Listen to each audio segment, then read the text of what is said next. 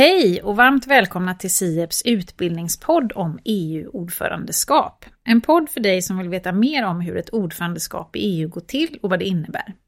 Jag heter Karin Flordal och är utbildningsansvarig på SIEPS, det vill säga Svenska institutet för Europapolitiska studier, en av Sveriges myndigheter.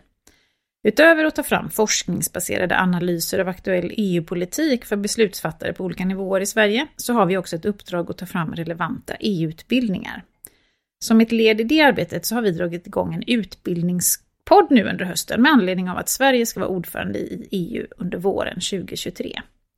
I tidigare avsnitt så har vi pratat om vad ett ordförandeskap innebär, vad det innebär för den svenska regeringen, vilka möjligheter man har som ordförande att påverka dagordningen i EU och vad det innebär att ett ordförandeskap är Brysselbaserat. Vi har också träffat några olika myndigheter och pratat om myndigheters roll i det svenska EU-arbetet. Eftersom våra svenska myndigheter är många och ser olika ut så ska vi under hösten prata med några myndigheter för att just belysa hur vi kan förbereda oss på olika sätt. Den 1 januari 2022 så fanns det 343 myndigheter. Och det är två fler än föregående år. Och det säger ju sig självt att vi jobbar på väldigt många olika sätt och med olika saker. Och att vi också jobbar med EU-perspektivet på olika sätt och olika mycket.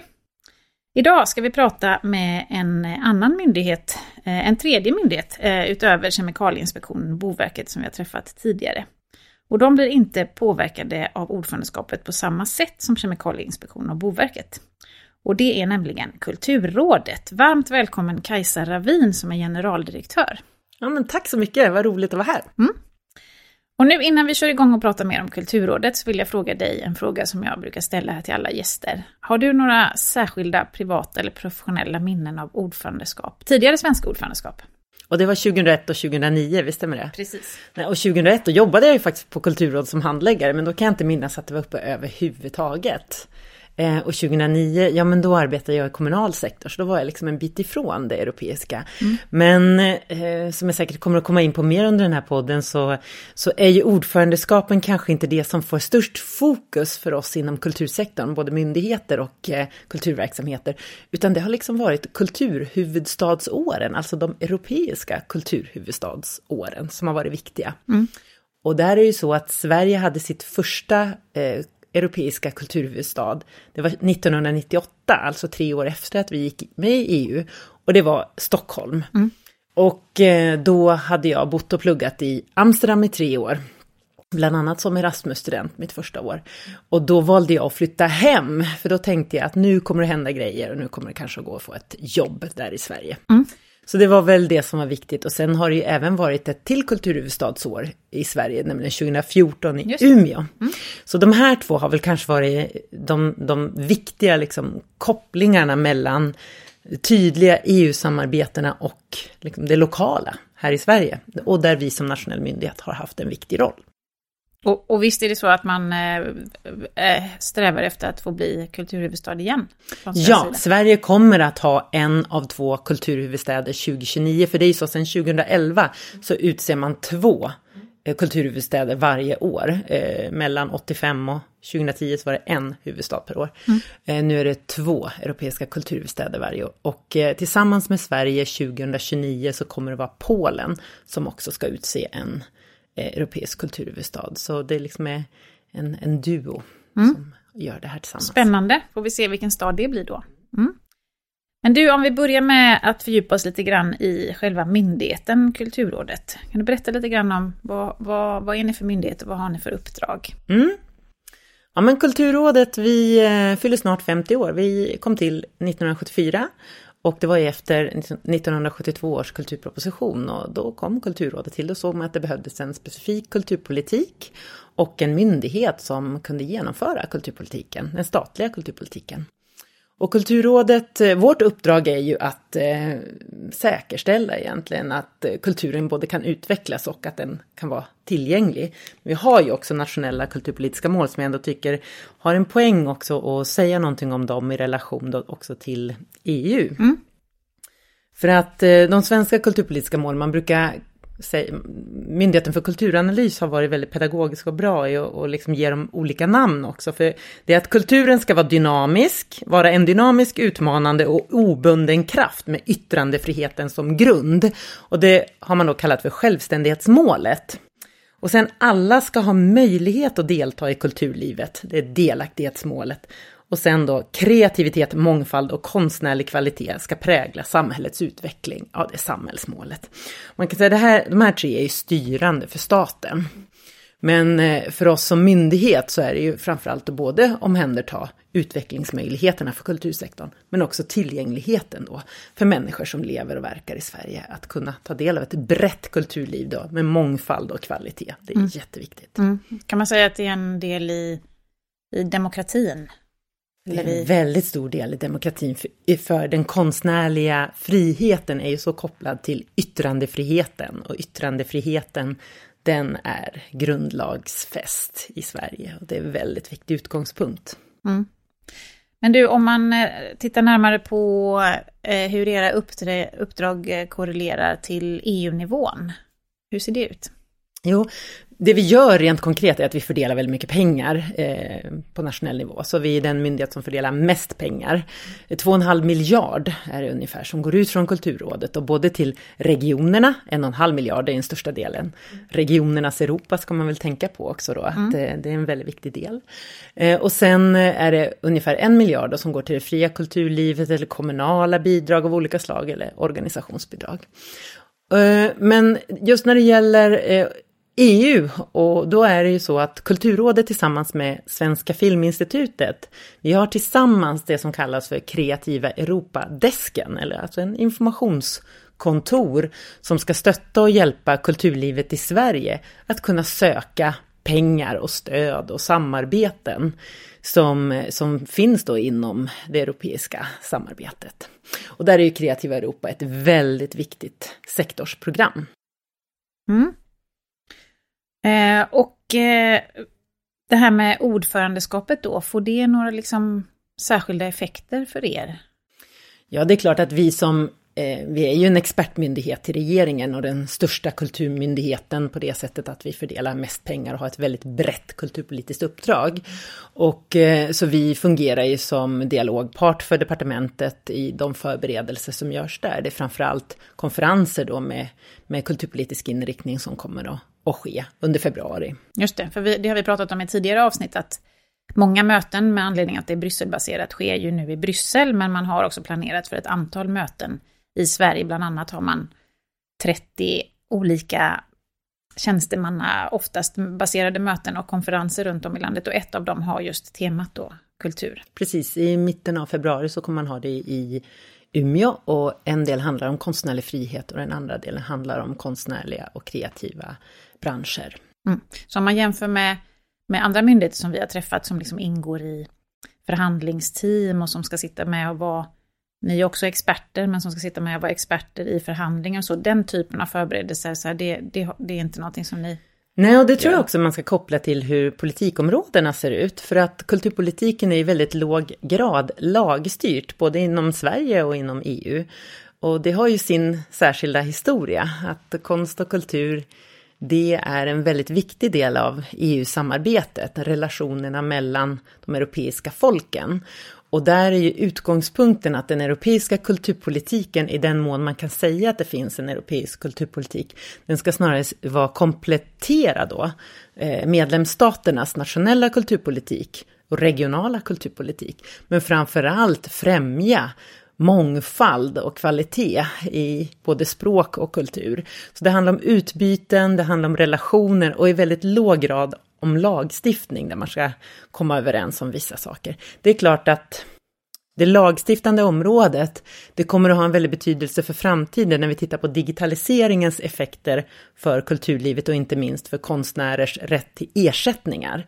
Så att den typen av frågor kommer säkert att finnas på dagordningen, inte bara den kommande halvåret utan för lång tid framöver.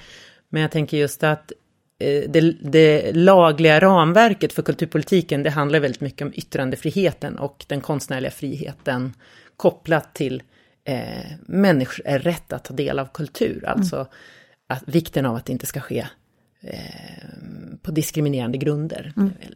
Så är det. Mm. Och vi pratade ju lite här innan också om just eh, kulturhuvudstädernas roll mm. och vikten av dem. Kan du berätta lite om det?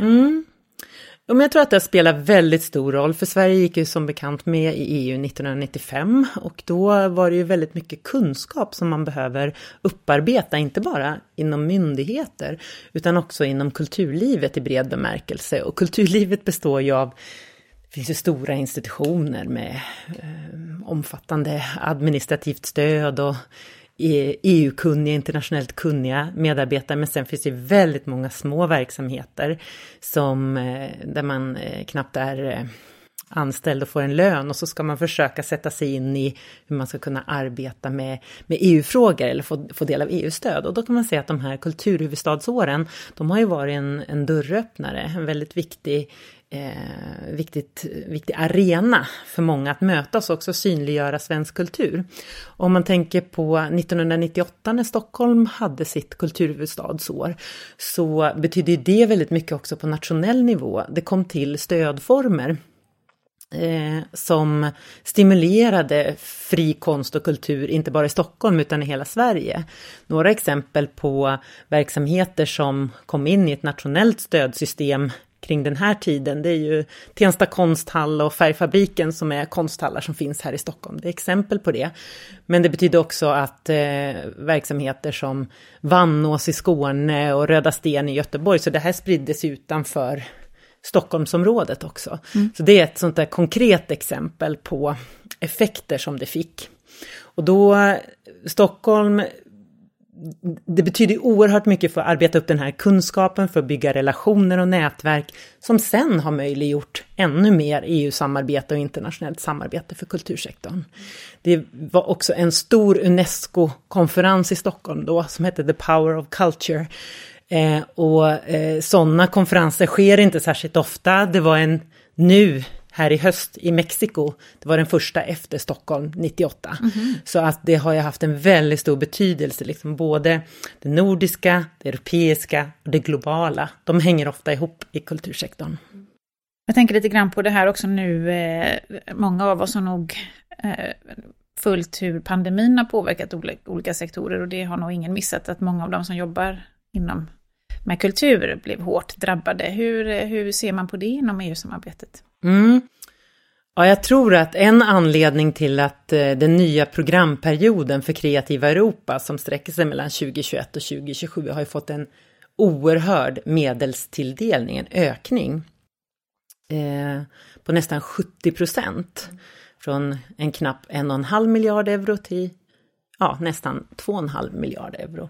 Det tror jag beror väldigt mycket på eh, pandemins effekter för kultursektorn och det har uppmärksammats. Och, eh, man vill också få ut pengar snabbt, alltså de första två åren, 21 och 22, var det viktigt att få ut pengar snabbt i mm. systemet. Mm.